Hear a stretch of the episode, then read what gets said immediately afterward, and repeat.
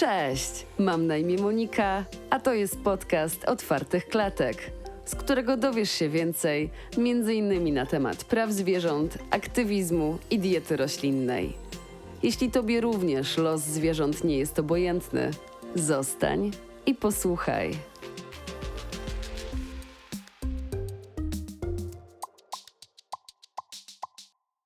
Cześć, dzisiaj odcinek o jedzeniu i budowaniu imperium roślinnych zamienników mięsa. Do rozmowy zaprosiłam niekwestionowanych ekspertów w tej dziedzinie, Rafała Czecha oraz Igora Sadurskiego, czyli twórców bezmięsnego, pierwszego w Polsce w 100% roślinnego rzeźnika. Będziemy rozmawiać zarówno o samym projekcie, jak i ogólnie o rynku produktów wegańskich i tym, co teraz w trawie piszczy w branży. Zapraszam do wysłuchania rozmowy. Cześć chłopaki. Cześć. Cześć, bardzo nam miło. Bardzo Wam dziękuję za przyjęcie zaproszenia do rozmowy. W 2016 roku została nagrana już jedna rozmowa z Wami w ramach e, jednej z kampanii Otwartych Klatek. Pamiętacie ten etap, na którym wtedy się znajdowaliście? Tak, ja nawet pamiętam, gdzie to nagrywaliśmy, bo to było chyba u Igora Taty na tarasie. Tak, dokładnie tam. Więc już samo to wskazuje, jaki był to wtedy etap, e, czyli etap mocno, mocno początkowy, tak. Nie wiedzieliśmy wtedy jeszcze nic. Teraz też niewiele wiemy, ale wtedy wiedzieliśmy jeszcze mniej. Nie no, minęło już ponad 6 lat, to jest kawał czasu, także dużo się, dużo się u Was zmieniło. Rynek produktów wegańskich w tym czasie też rozkwitł. E, jak analizowałam ostatnio dane dotyczące branży, to warta ona jest już w Polsce ponad 400 milionów złotych, więc to jest e, no, astronomiczna kwota. Myślę, że w 2016 roku to było trochę marzenie, prawda? No, w 2016 roku nasz e, horyzont był zupełnie gdzie indziej niż jest dzisiaj. Wtedy to były raczej myśli i, i walka o przetrwanie i w ogóle chęć jakiejkolwiek e, realizacji tego projektu. Ale jak to e, bywa w życiu, im, im dalej w las, tym, tym, tym człowiek staje się bardziej głodny i ambitny tych, tych, kolejnych, tych, kolejnych sukcesów, więc z każdym krokiem milowym, który pokonywaliśmy w ramach bezmięsnego, no nasze tutaj um, perspektywy się zmieniały. Dzisiaj są znacznie, zna, znacznie się różnią od tych, tych, tych, tych na początku. Więc y, wtedy chcieliśmy przetrwać i w ogóle, żeby bezmięsny istniał, a dzisiaj no, chcemy być numer jeden. A dlaczego produkty wegańskie? Mogliście założyć jakikolwiek biznes? Czemu akurat skierowaliście się w tę stronę? Skoro właśnie ten rynek był tak malutki, nie wiadomo było jak to będzie, trochę się patrzyliśmy pewnie w stronę zachodu, widzieliśmy już jakieś tam zmiany. Czy właśnie to było dla Was takim punktem, okej, okay, skoro na zachodzie, w Stanach jest to już popularne, to może teraz czas na Polskę? No tak, dokładnie, dokładnie tak było. Y, to był wtedy taki moment, kiedy ten rynek alternatyw roślinnych w Polsce no, dopiero zaczynał kiełkować. Natomiast no, za granicą, na zachodzie Europy, w Stanach widać było, że ten rynek będzie, będzie wielki.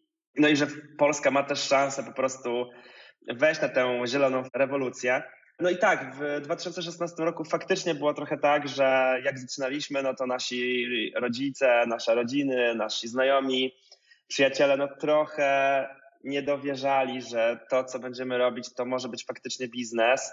Raczej myśleli, że to jest taka trochę fanaberia, trochę znalezienie jakiegoś takiego powiedzmy hobby. No nie ukrywam, że być może my sami też tak trochę myśleliśmy, że to będzie jakieś hobby, że to może będzie mały biznes, e, że to będzie coś, co będziemy mogli robić razem, co nam da jakąś taką poczucie wolności też w życiu. Na pewno bardzo chcieliśmy i bardzo marzyliśmy o tym, żeby być dzisiaj w tym miejscu, w którym jesteśmy, natomiast w 2016 roku to się wydawała tak naprawdę mrzonka E, że tak, że tak szybko to się wydarzy. I dlaczego, dlaczego w ogóle roślinne produkty? No, my byliśmy zafascynowani wówczas tą dziejącą się rewolucją. Ona się wtedy odbywała głównie w gastronomii, e, no bo to był ten czas, kiedy, nie wiem, tak, taki boom przeżywała na przykład krowarzywa, kiedy zaczęły się pojawiać no, w Warszawie, z której, w której mieszkamy, w której żyjemy, zaczynały się pojawiać wegańskie knajpy, zaczynały się pojawiać wegańskie, mm, wegańskie opcje w knajpach. No, było naprawdę tego wtedy no, był taki moment, nie wiem czy ty pamiętasz to, ale był taki, taki boom wtedy, taki rozkwit. Ja pamiętam. I chcieliśmy po prostu być tego częścią, chcieliśmy e, no, mieć taką alternatywę dla siebie też, żebyśmy my mogli po prostu nie jeść e, tych produktów odzwierzęcych.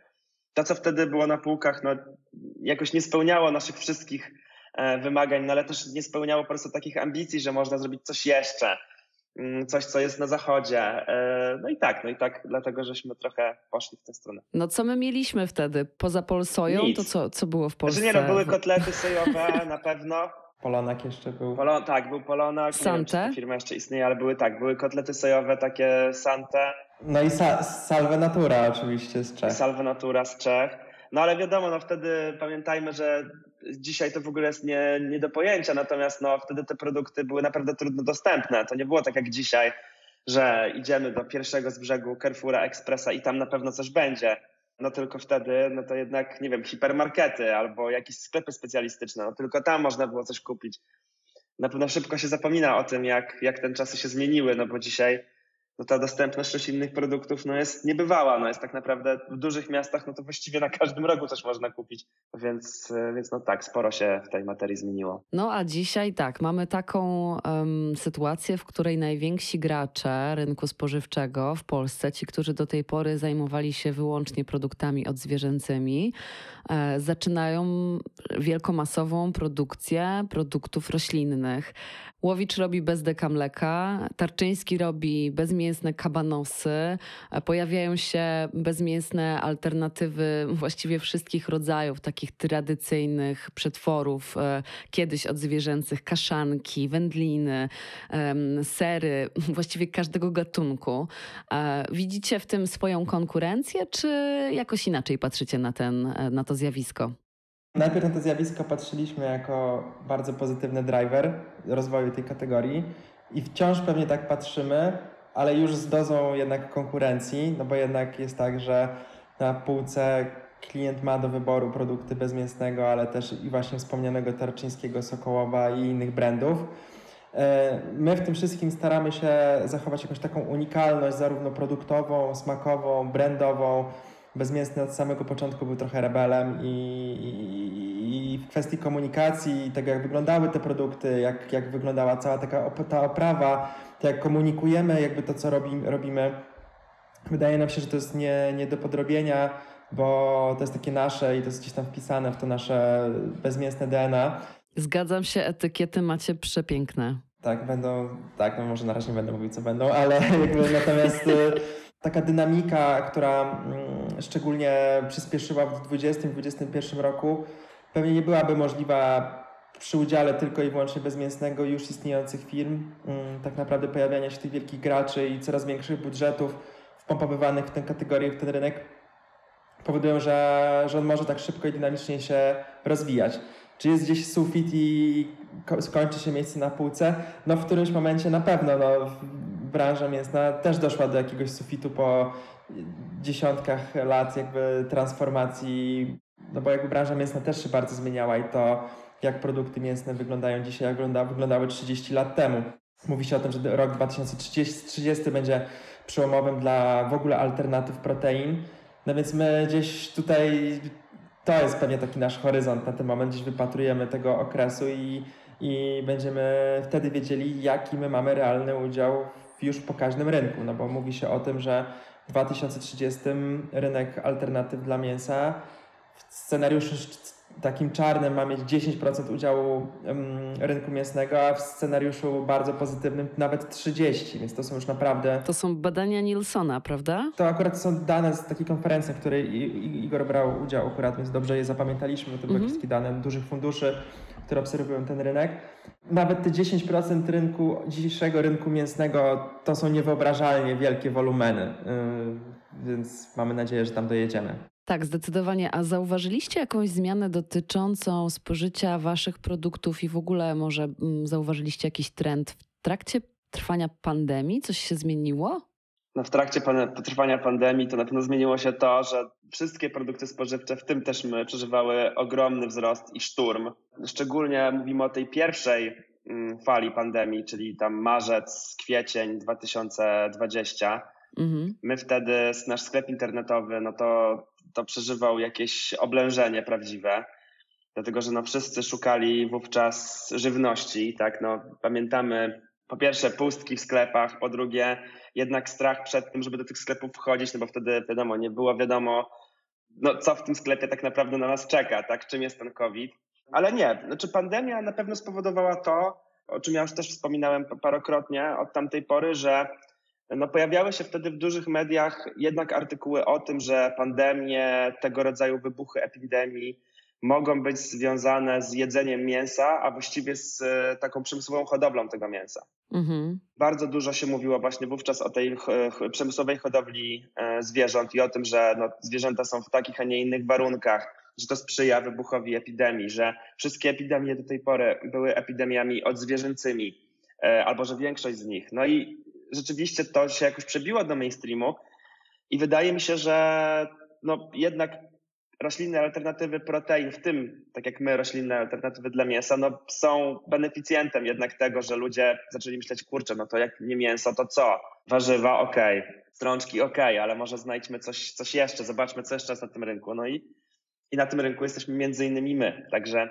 także to jest na pewno jakaś zmiana taka świadomościowa, którą, którą pandemia nam przyniosła. Wy, doceniani przez konsumentów, doceniani przez organizacje, a czy znajdujecie jakieś słowa krytyki w stosunku do waszych produktów? Ja dodam tylko, że ja nie mam żadnego słowa krytyki, ponieważ e, naprawdę wasze um, zamienniki wędlin to jest dla mnie game changer, ale e, może wy coś słyszycie, czego, czego ja nie słyszałam. No, nieustannie słyszymy zarówno słowa krytyki, ale zdecydowanie więcej słyszymy tych dobrych słów. Słowa krytyki E, płyną przeważnie od osób, które już na samym starcie trochę są negatywnie nastawione do te, tego typu produktów i za wszelką cenę próbują przyrównać je do swoich tradycyjnych odpowiedników. Mm. No jednak produkty bezmięsnego są trochę kategorią samą w sobie, w sensie takim, że my tworząc te produkty inspirujemy się tradycyjnymi wyrobami, jednak nadając takiego swojego bezmięsnego sznytu, aby te produkty mm, były roślinną wędliną, a nie podrabiańcem czegoś, w sensie takim, że my nie chcemy podrabiać jakichś produktów e, tradycyjnych, tylko chcemy, żeby tworzyć bardzo dobre roślinne wędliny. Są osoby, które właśnie próbują zestawić te produkty jeden do jednego i bywa wtedy różnie. Mhm. E, natomiast no, my z Igorem zwiedziliśmy dziesiątki, jak nie setki targów w Polsce i za granicą i ten feedback, feedback na żywo był zawsze bardzo, bardzo, bardzo pozytywny. E, I to wtedy było dla nas takie bardzo namacalne, no bo czym innym jest czytanie opinii w internecie, że ktoś pisze, że spoko albo nie spoko, a czym innym jest, jak ktoś bierze, próbuje i mówi, wow, jakie to jest dobre i super. To jest jakby to zupełnie inna dawka takich pozytywnych emocji. Mm, no teraz niestety już nie mamy czasu jeździć na targi, bo mamy masę... No też ich już nie ma tylu. Tak, to teraz też już zupełnie. Natomiast no, jest, w zeszłym roku uruchomiliśmy mm, z prawdziwego zdarzenia bezmięsne laboratorium, którym no mamy zespół, zespół ludzi, którzy pracują nad zupełnie nowymi produktami. Mhm. E, pierwsze światło dzienne ujrzały produkty z oferty grillowej w tym roku. Były to cztery smaki kiełbasek, dwa nowe burgery i shawarma. No i na pewno w tym roku jeszcze zaskoczymy. E, jesteśmy, mamy już na tapecie bardzo dużo już skończonych nowych mm, produktów. Będą się pojawiały w różnych ofertach mm, cyklicznych, ale też i będą wchodziły do stałej oferty więc y, na pewno będziemy tu jeszcze zaskakiwali nieraz. Pewnie to pytanie pojawia się często, ale co decyduje o wprowadzeniu danego produktu na rynek? Czy wy testujecie, sprawdzacie, myślicie sobie, OK, to jest dobre, mm, to możemy wprowadzić, czy zostawiacie to innym ludziom? Dobrze, żeby odtworzyć jakby cały proces. Na ten moment y, bardzo mocno postawiliśmy na oferty sezonowe, E, czyli oferty takie, które będą dostępne czasowo i są dedykowane jakiemuś konkretnemu momentowi w roku. W tym roku bardzo silnie żeśmy postawili na ofertę grillową mm, i to nam się bardzo sprawdziło. Jak wybieramy wtedy do takiej oferty produkty? Mm, po prostu myślimy o tym, co zrobiłaby firma mięsna w ofercie grillowej danej, czy po prostu w sieciach. Więc w tym roku wprowadziliśmy kiełbaski, wprowadziliśmy burgery, wprowadziliśmy shawarmę, no to co nam się wydaje, że jest po prostu takie typowe na grilla. E, pracujemy, znaczy już skończyliśmy pracę nad ofertą bożonarodzeniową, czyli świąteczną. Tam również pomyśleliśmy, dobrze, co, co może e, potencjalnie osoba, która będzie chciała zjeść mięso, ale chciałaby poszukać jego alternatywy, chciałaby położyć na stół, czy nie wiem, na Wigilię czy pierwszego dnia świąt. E, I w taki sposób podchodzimy. Oczywiście robimy takie mini testy konsumenckie u nas w, biur, w biurze, natomiast no nie jest to tak, że robimy tych testów nie wiadomo ile albo nie wiadomo jak wielkie. Czyli raport korytarzowy. Raport korytarzowy robimy, dokładnie. E, to ładne w ogóle określenie. Raport korytarzowy. E, I tak, i, i, i wprowadzamy, no, Rafał jest tutaj głównie e, od R&D i od wprowadzenia, więc może, może on by chciał coś dodać. No, tworzenie produktów jest y, takim procesem bardzo twórczym, w sensie takim, że to jest, to jest taka, taki, taka mieszanina y, y, takiej pracy inżyniersko-technologicznej z taką trochę artystyczną. Coś takim, że mm, tworzenie produktów powstaje jakaś myśl i za tą myślą się idzie, rozwija się, rozwijają i czasami dochodzi się do jakiejś ściany i na przykład ma się problem z zbudowaniem jakiegoś smaku albo z teksturą czy z różnymi parametrami, które chce się uzyskać jakby z danym produktem. I czasami trzeba od niego na chwilę odejść i zająć się czymś innym. Więc jest tak, że tutaj my jako dział R&D dostajemy od działu sprzedaży jakieś wytyczne do robienia różnego rodzaju produktów, tworzymy je, ale potrzebujemy takiego, takich przerw od robienia tych produktów, które zostały nam zlecone, i, bo musimy dać umysłowi jakby gdzieś indziej chwilę pomyśleć, żeby móc później wrócić, jakby nazwijmy to ze zdwojoną siłą i dopracować resztę. Tworzenie produktów to jest nierzadko kilkadziesiąt prób jednego produktu. Rekord mm -hmm. mamy chyba 30 albo 40 prób yy, jednego produktu, już nie pamiętam którego. Pracujemy teraz na przykład nad jakimś takim nowym produktem i żeby tylko na przykład uzyskać odpowiednią ciągliwość tego produktu, to mieliśmy 12 prób. W ogóle bez przypraw, bez niczego, tylko łączenia samego białka mm -hmm. z mhm. wodą i z olejem i żeby od, dobrać odpowiednie proporcje. No więc to jest tak, to jest taka trochę praca alchemika, prób i błędów, e, pomysłów. E, ale ciekawe to jest bardzo. A jak wygląda Wasza współpraca? Bo pracujecie razem nad tym projektem od samego początku. Chyba na początku w ogóle była zbiórka jeszcze mm, fundraisingowa na powstanie bezmięsnego. Jak wygląda współpraca e, wasza? Widzę, że podzieliliście się zadaniami. E, Igor jest od sprzedaży, Rafał od tworzenia, od kreatywnej strony, od produkcji. E, czy ten, ten podział obowiązków to jest już to, co docelowo Wam się sprawdza, to lubicie? Macie jakieś wyzwania na co dzień? Jak to wygląda? To, jest dobre pytanie, bo tak naprawdę do, do, do końca zeszłego roku nie mieliśmy jakiegoś takiego, ba, znaczy mieliśmy jakiś podział obowiązków, ale nie jakiś taki bardzo sztywny, w sensie, że te obowiązki gdzieś były płynne. E, było tak, że Igor miał bardziej swoją działkę w jakichś jednych obszarach, ja w jakichś innych, natomiast w wielu rzeczach braliśmy jakby razem udział, szczególnie podejmowaliśmy wspólnie decyzje w różnych, w różnych częściach. No i z początkiem tego roku dokonaliśmy takiej dużej transformacji między sobą, no bo my też się zmieniamy przez ten czas, gdzieś zaczynały się przez te kilka lat uwypuklać kompetencje Igora, kompetencje moje, gdzie my jednak jesteśmy różni jak, i, i, i reprezentujemy inne skille. No i podjęliśmy na początku tego roku trudną decyzję o takim jednak mocniejszym podziale tych obowiązków i tego, aby każdy z nas miał trochę więcej autonomii w swoim, w swoim obszarze. Z mojej perspektywy, nie wiem jak z Igora, ale z mojej uważam, że to była jedna z lepszych decyzji, jaką mogliśmy podjąć między sobą. Spowodowało to, że my jako organizacja nabraliśmy niesamowitej dynamiki i po prostu znacznie więcej zadań jesteśmy w stanie odhaczać, znacznie szybciej ze wszystkim idziemy. No, pierwsze pół roku pokazało, na sensie jak myśmy zrobili listę rzeczy, które my zrobiliśmy przez pół roku, to ja nie wiem, czy przez 5 lat ostatnio tyle zrobiliśmy co w te pół roku. Serio, w sensie to jest killer. Eee, I wierzę, że nam to po prostu za, za, za, no będziemy zbierali tego plony wkrótce. Mm, tak, więc to jest moja perspektywa na, na, na taką transformację. Nie, moja jest oczywiście e, taka sama. No, my e, do końca zeszłego roku faktycznie funkcjonowaliśmy trochę jak taki nierozerwalny tandem, mhm. co miało swoje dobre strony przez bardzo długi czas, natomiast przy wzroście, e, przy rozroście organizacji, może tak, no, zaczynało mieć swoje duże ograniczenia i, no, i to było trochę nieuchronne.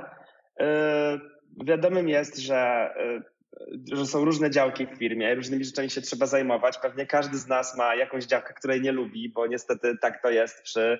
Sprzedaż. Tak, nie, sprzedaż jest akurat super, natomiast nie, nie, nie, nie, bardziej mi chodzi o jakieś takie zadania, mniejsze czy większe, nie wiem, na przykład Rafał nie lubi papierków, a jednak w każdej z tych działek są jakieś papiery do, do wypełniania, mm -hmm. specyfikacje. Mm -hmm.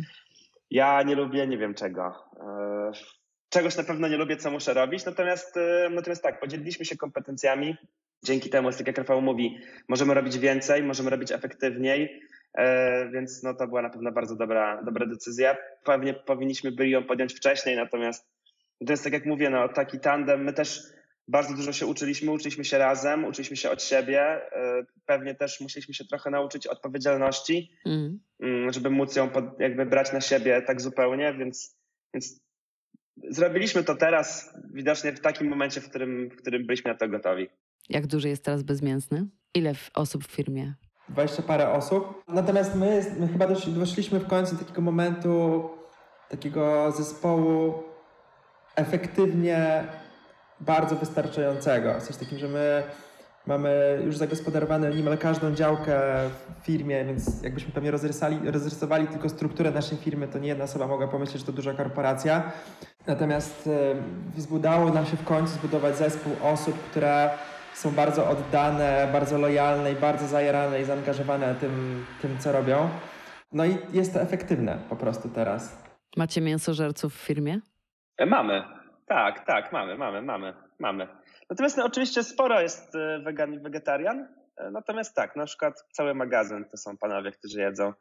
Myślę, że tu mogłoby być ciężko, żeby znaleźć, znaleźć wegetarian i wegan.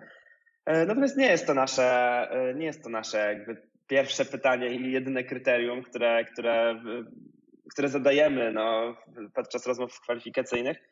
Oczywiście, jeśli ktoś nas zna, ktoś nas lubi, ktoś je, ktoś dzieli te podobne wartości, no to jest na pewno prościej i łatwiej e, na pewno przekonać e, albo, albo nas przekonać do, do tej kandydatury, albo nas przekonać, żeby ta osoba do nas przyszła.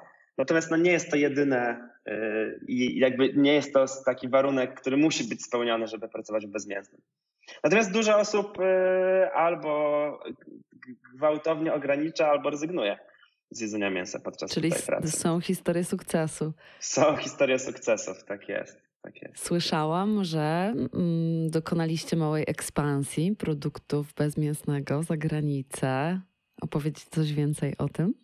Tak, jest jeszcze to mała ekspansja, ale na pewno ciekawe jest to, że jesteśmy e, w wielu krajach, ale jeszcze niestety nie, nie, nie, nie są to duże wolumeny. Natomiast wszędzie tam się zahaczyliśmy, to czujemy potencjał na to, żeby te wolumeny w najbliższym czasie się e, rozwinęły. Co to są za kraje i czy jest trudno? Tak, jest trudno.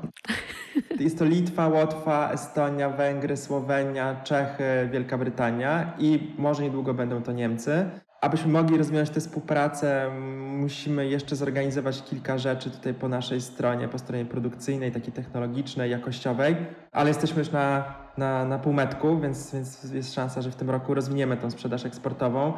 Budowanie brandu i sprzedaży za granicą jest zupełnie czymś innym niż robienie tego tutaj na rynku lokalnym. E, rynek lokalny jest mm. i pewnie zawsze dla nas będzie mm, numerem jeden, no bo to tutaj jakby zbudowaliśmy swoją pozycję zbudowaliśmy sprzedaż i mamy nadzieję, że na, na tych funda silnych fundamentach będziemy w stanie rozwijać bezmięsnego pod marką Plenty Reasons właśnie, właśnie za granicą. Jak nazwa? Jak nazwa jeszcze raz? Plenty Reasons, Plenty Reasons. Czyli you've got plenty reasons to be meatless. Taki jest slogan. Okej, okay, super. A wracając jeszcze do właśnie nazewnictwa, bezmięsny to nie był e, pierwszy pomysł. Nie. Możecie powiedzieć nie, nie. trochę więcej. Przez co przeszliście, żeby, żeby dotrzeć do bezmięsnego? No przeszliśmy na pewno przez nazwę, która, przez którą y, zaczynaliśmy, czyli Vegan Butcher. To był taki pomysł śmieszny, nam się wtedy wydawało Pamiętajmy, że mówimy o, o nas sprzed 6 lat, więc zarówno my się zmieniliśmy, rynek się zmienił. Wydawało nam się wtedy, że to takie będzie zabawne, żeby było butcher, nie butcher, vegan. No. Ale jest, jest taka marka The Vegetarian Butcher tak. Yy, i to nie jest to, to nie jest to samo. Nie, nie, nie, nie, nie, Mnie osobiście ta nazwa się bardzo tak, podoba no... i uważam, że te produkty są bardzo dobre. Tam jest taka historia, że ten e, człowiek, który ją miał, bo ona jest chyba już teraz Nestle, czy tam jakiejś innej wielkiej korporacji, to był facet, który przejął biznes po ojcu rzeźniku. Okej. Autentycznie przejął biznes po ojcu rzeźniku. I dlatego on się nazywał The Vegetarian Butcher, tak. Dlatego takiego nazwa wyglądała. No nasza była taka trochę przewrotna, natomiast no, mieliśmy z nią wieczne problemy i Jakie? No tak, no ludzie nam pisali przede wszystkim, że Baczer się nie czyta Baczer, tylko Butcher, więc dlaczego Baczer, dlaczego spolszczone, dlaczego vegan, dlaczego to, dlaczego tamto. Znaczy była to nazwa bardzo problematyczna. Muszę, to z perspektywy czasu, Rozumiem. z perspektywy czasu było to mega problematyczne. Później przez sekundę się nazywaliśmy bezmięsny mięsny. Ale za długo. Ale za długo, tak jest. Bezmięsny, mięsny to było trochę za długo. No i uznaliśmy, że że zrobimy z tego po prostu skrót, czyli bezmięsny. Nie będziecie skracać dalej? Zobaczymy. Może wystarczy bez, albo bez samo. Eee, nie, czasami się, czasami się ludzie śmieją, że jak nam się odwiedzi, to po prostu będzie mięsny i wtedy, i wtedy zostanie, no, zostanie ten. Ale nie, no to, tego to też nam raczej nie grozi. Natomiast, e, natomiast tak, no zostało bezmięsny. Jednej rzeczy wtedy nie wymyśliliśmy, że bezmięsny to będzie słaba nazwa na zagranicę.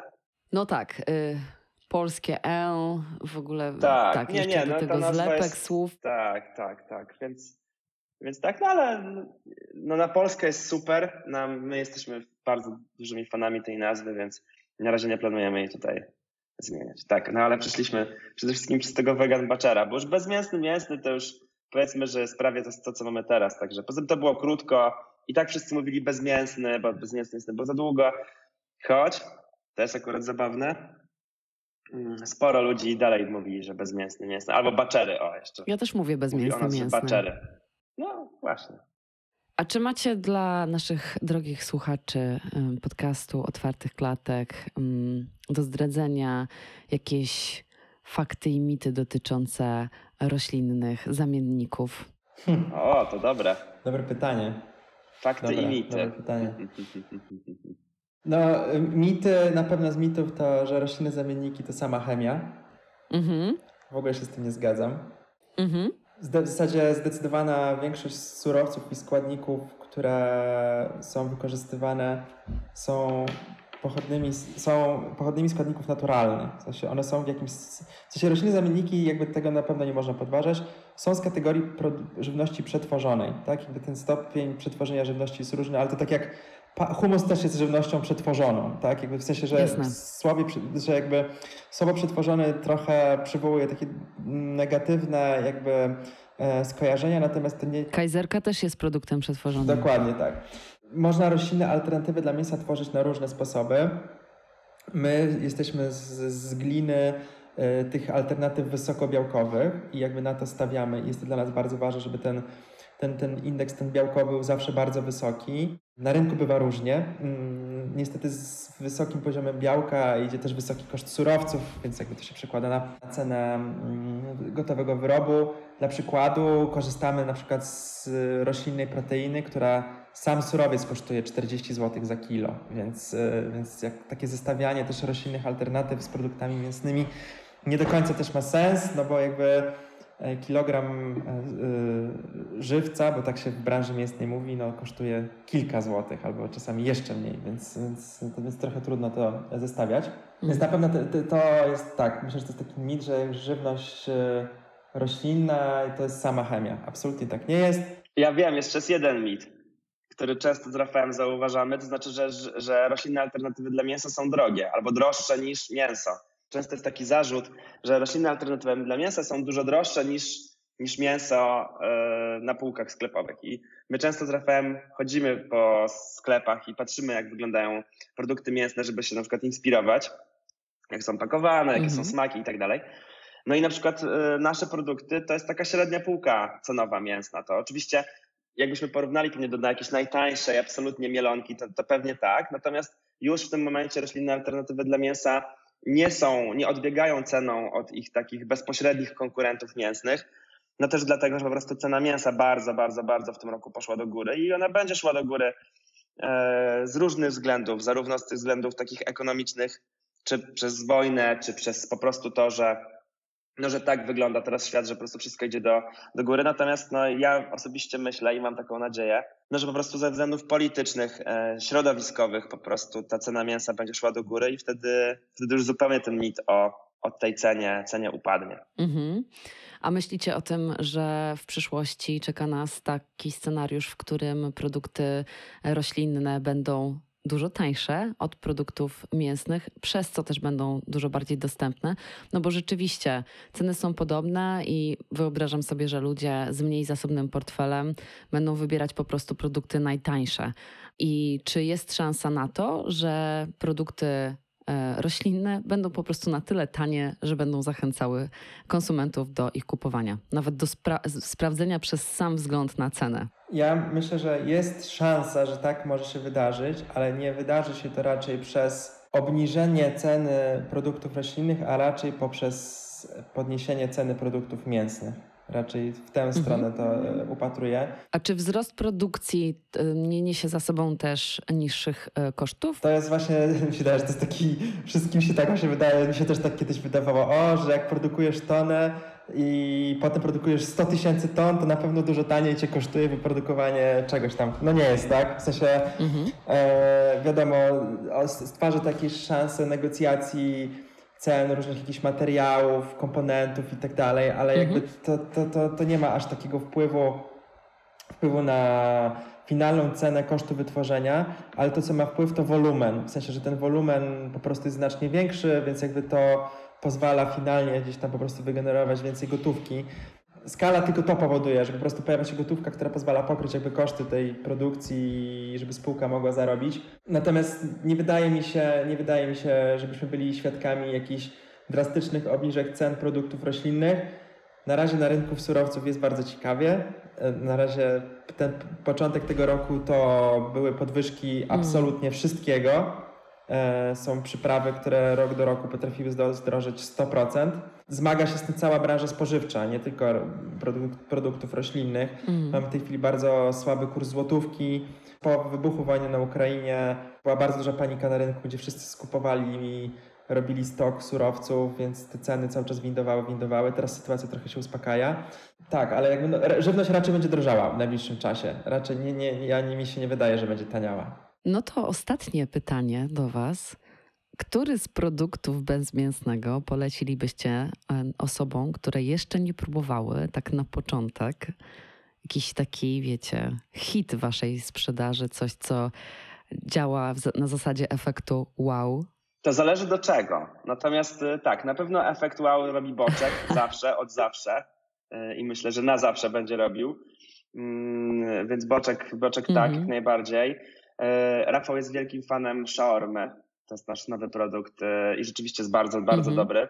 Ja z kolei też uwielbiam kabanosy, więc trochę zależy, zależy, zależałoby, jaka to jest sytuacja. Jeśli to jest na przykład sytuacja typu e, jesteśmy w górach i wyciągam właśnie przekąskę, to dałbym kabanosy. Jeśli jesteśmy na śniadaniu, to podałbym boczek, nie wiem, tam z kapucznicą czy jajecznicą, w zależności od tego, a w zależności od tego, komu, komu to proponujemy. Jeśli, nie wiem, robimy obiad, to zrobiłbym wrapa z shaormą. E, także, także tak, to są moje trzy typy. Nie wiem, Rafał. No, Igor podpowiedział za mnie shaorma. Tak. Ja jestem jeszcze mega fanem kanapek, więc salami wszędzie, o każdej porze z majonezem zawsze. Chorizo. Salami. Chorizo. Widzę, że mamy tu z Igorem Team Chorizo. Tak, ja też, ja też chorizo. Ale salami też jest bardzo dobre, bardzo dobre też jest salami pikante. Mm-hmm. No tak, no my ogólnie, to jest takie trudne pytanie, bo my lubimy wszystkie nasze produkty. Gdybyśmy ich nie lubili, gdybyśmy mm-hmm. w nie jakoś nie wierzyli, to, no to byśmy ich pewnie nie wprowadzali i nie sprzedawali, więc to jest trudne pytanie, no ale tak, myślę, że te trzy, które wymieniłem na początku, czyli boczek, szynka czosnkowa, nie zapominajmy, bo szynka czosnkowa to jest na pewno cały czas od lat top 3 naszej sprzedaży, więc, więc też trzeba jej oddać co królewskie. Łącząc to pytanie z pytaniem o mity, słuchałam ostatnio waszego podcastu, gdzie byliście gośćmi w Paliwo z Roślin i wspominaliście o boczku i tym micie, że boczek jest niezdrowy, tłusty. Wasz boczek nie jest niezdrowy. Nie, nasz boczek jest białkowy. Tak, zresztą tak, nasz boczek jest białkowy. No tak, no, na pewno alternatywa nasza dla boczku nie ma tyle, tyle tłuszczu, prawda? No taki mięsny boczek to jest, to jest tłuszcz po prostu. To jest tłuszcz, to są tłuszcze trans, to jest cholesterol, no nasz tego wszystkiego nie ma, więc, więc jeśli ktoś poszukuje zdrowej alternatywy, albo zdrowszej, o może zdrowszej, bo zdrowej to wiadomo, może mieć na coś uczulenie na przykład, ale jeśli zdrowszej, to, to nasz boczek tutaj można spokojnie polecać. I takie ostatnie pytanie ode mnie. Czy bezmięsny to jest wasze spełnienie marzeń e, przedsiębiorczych marzeń? Moje zdecydowanie. Ja y, wczoraj, Moje ja też. wczoraj rozmawiałem właśnie z jedną osobą o tym i e, ja na ten moment nie, nie, nie wiem, czy zawodowo jest coś innego, e, co wprowadzi w moje życie tyle spełnienia, co, e, co bezmięsny. W sensie, że uda się, to, w sensie nieważne jaki będzie finał bezmięsnego, a mam nadzieję, że nie będzie tego finału i że będzie się tylko super rozwijał, bo tak też po to to robimy, ale niezależnie od tego, jak się potoczy tutaj nasze życie, to, to ja zawsze będę ciepło myślał o tym i że było warto. W sensie ja już odpowiadam, że było warto. Mhm. Tak, po prostu. No. Ja też tak uważam. No jednak poświęciliśmy na to 6 lat, więc gdybyśmy nie wierzyli, że, że to warto, niezależnie trochę też od, od, od wyniku, no to, to byłoby kiepsko. Natomiast tak, ja też, ja też tak uważam. Też uważam, że to jest spełnienie moich e, biznesowych marzeń. Na ten moment nie wyobrażam sobie robienia czegoś innego. E, Natomiast kto wie, może kiedyś bezmięsny pójdzie w jakąś inną stronę niż my, a my z Rafałem, nie wiem, będziemy mieli kwiaciarnię. Albo coś osobno, może wreszcie coś osobno. Ale jesteście dobrym tandemem. Tak, tak. Nie, ja, no, no, dla mnie jeszcze jakby kończąc jakby prywatnie, bezmięsny, to był taki, e, tak ja, ja mam wrażenie, że przyjąłem jakąś taką osobistą przemianę jako człowiek w ogóle, tak prywatnie, Mhm. że to rozwojowo, wow. Jestem bezmięsnym Marines. Bezmięsny Marines, też bardzo ładnie. A gdybyście na sam koniec mieli powiedzieć coś słuchaczom podcastu Otwartych Klatek, to co by to było? No oczywiście kupujcie bezmięsnego, bo bezmięsny jest najlepszy i najfajniejszy. To, to zdecydowanie. E, To, co mogę powiedzieć, to mm, słuchacze otwartych klatek, mam wrażenie, niezależnie od tego, czy należą do stowarzyszenia, czy nie, mają w sobie zawsze dużo takiej krwi i duszy aktywistycznej. Jeśli zależy nam na takiej zmianie, jeszcze szybciej zmianie, zmianie roślinnej transformacji, w dzisiejszych czasach jeszcze istotniejsze niż wcześniej jest wybieranie tych produktów, które mają być alternatywami dla produktów tradycyjnych. No w naszym przypadku są to głównie wędliny i zamienniki mięsa, więc zachęcam do wybierania ich nie tylko bezmięsnego, ale w ogóle do, w ogóle do odwiedzania tej półki, próbowania tych produktów. E, mm, jeśli to jest poza czymś budżetem, to można wziąć jedną paczkę, nie trzeba wziąć pięć, brać pięciu i to po prostu powoduje, że mm, kupcy, kupcy i osoby tworzące tą kategorię w sklepach coraz chętniej będą ją rozwijali, co się przełoży po prostu na redukcję spożycia mięsa w ogóle. Pięknie. Pięknie Rafał powiedział.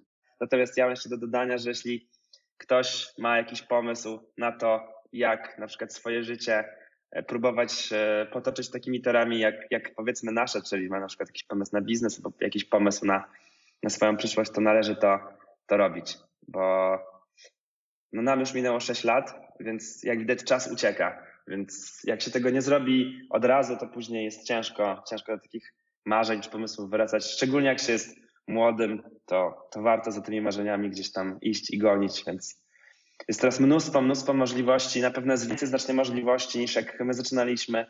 Są różnego rodzaju fundusze, są akceleratory, można naprawdę robić fajne rzeczy, e, można znaleźć na to fundusze, można znaleźć też pom- pomoc, kompetencje, więc, więc ja zachęcam do tego, że jeśli ktoś ma coś, jakiś super pomysł, to, to niech to próbuje robić. Dziękuję Wam bardzo serdecznie za tę rozmowę. Moimi gośćmi był Rafał Czech oraz Igor Sadurski z Bezmięsnego. Gratuluję Wam e, Waszego biznesu i Waszego wkładu w to, żeby świat był bardziej roślinny i żeby cierpienia zwierząt było znacznie mniej. E, Zachęcam Was, drodzy słuchacze, do tego, żebyście odwiedzali stronę Bezmięsnego, zobaczyli, jak pięknie wygląda i jak pięknie będzie wyglądać, bo wiemy, że będzie się zmieniać, także obserwujcie to. E, Zachęcamy też do kupowania produktów bezmięsnego, bo są pyszne i polecam osobiście. Super. Wszystkie linki zamieszczę w opisie tego odcinka. Bardzo dziękujemy. Przemiła rozmowa. Mam nadzieję, że się dobrze słuchało. Mamy nadzieję, że się dobrze słuchało. No i tak, także, także pozdrawiamy wszystkich e, słuchaczy e, podcastu Otwartych Klatek. W ogóle my z Rafałem kochamy Otwarte Klatki, bo Otwarte Klatki nam bardzo, bardzo pomogły na samym początku. Zresztą zawsze były naszym wielkim e, wsparciem, więc to zawsze wielka przyjemność e, rozmawiać z kimś z tego stowarzyszenia. Nie, już było super. Mhm. Dzięki. Drodzy słuchacze, także zachęcam do tego, żebyście followowali Otwarte Klatki. Sprawdzajcie naszego Facebooka, nasze Instagramy, TikToka, gdziekolwiek jesteśmy. Wchodźcie na bloga, na stronę. No i Cóż, do usłyszenia w kolejnym odcinku. Pa! Dzięki, cześć. Dzięki.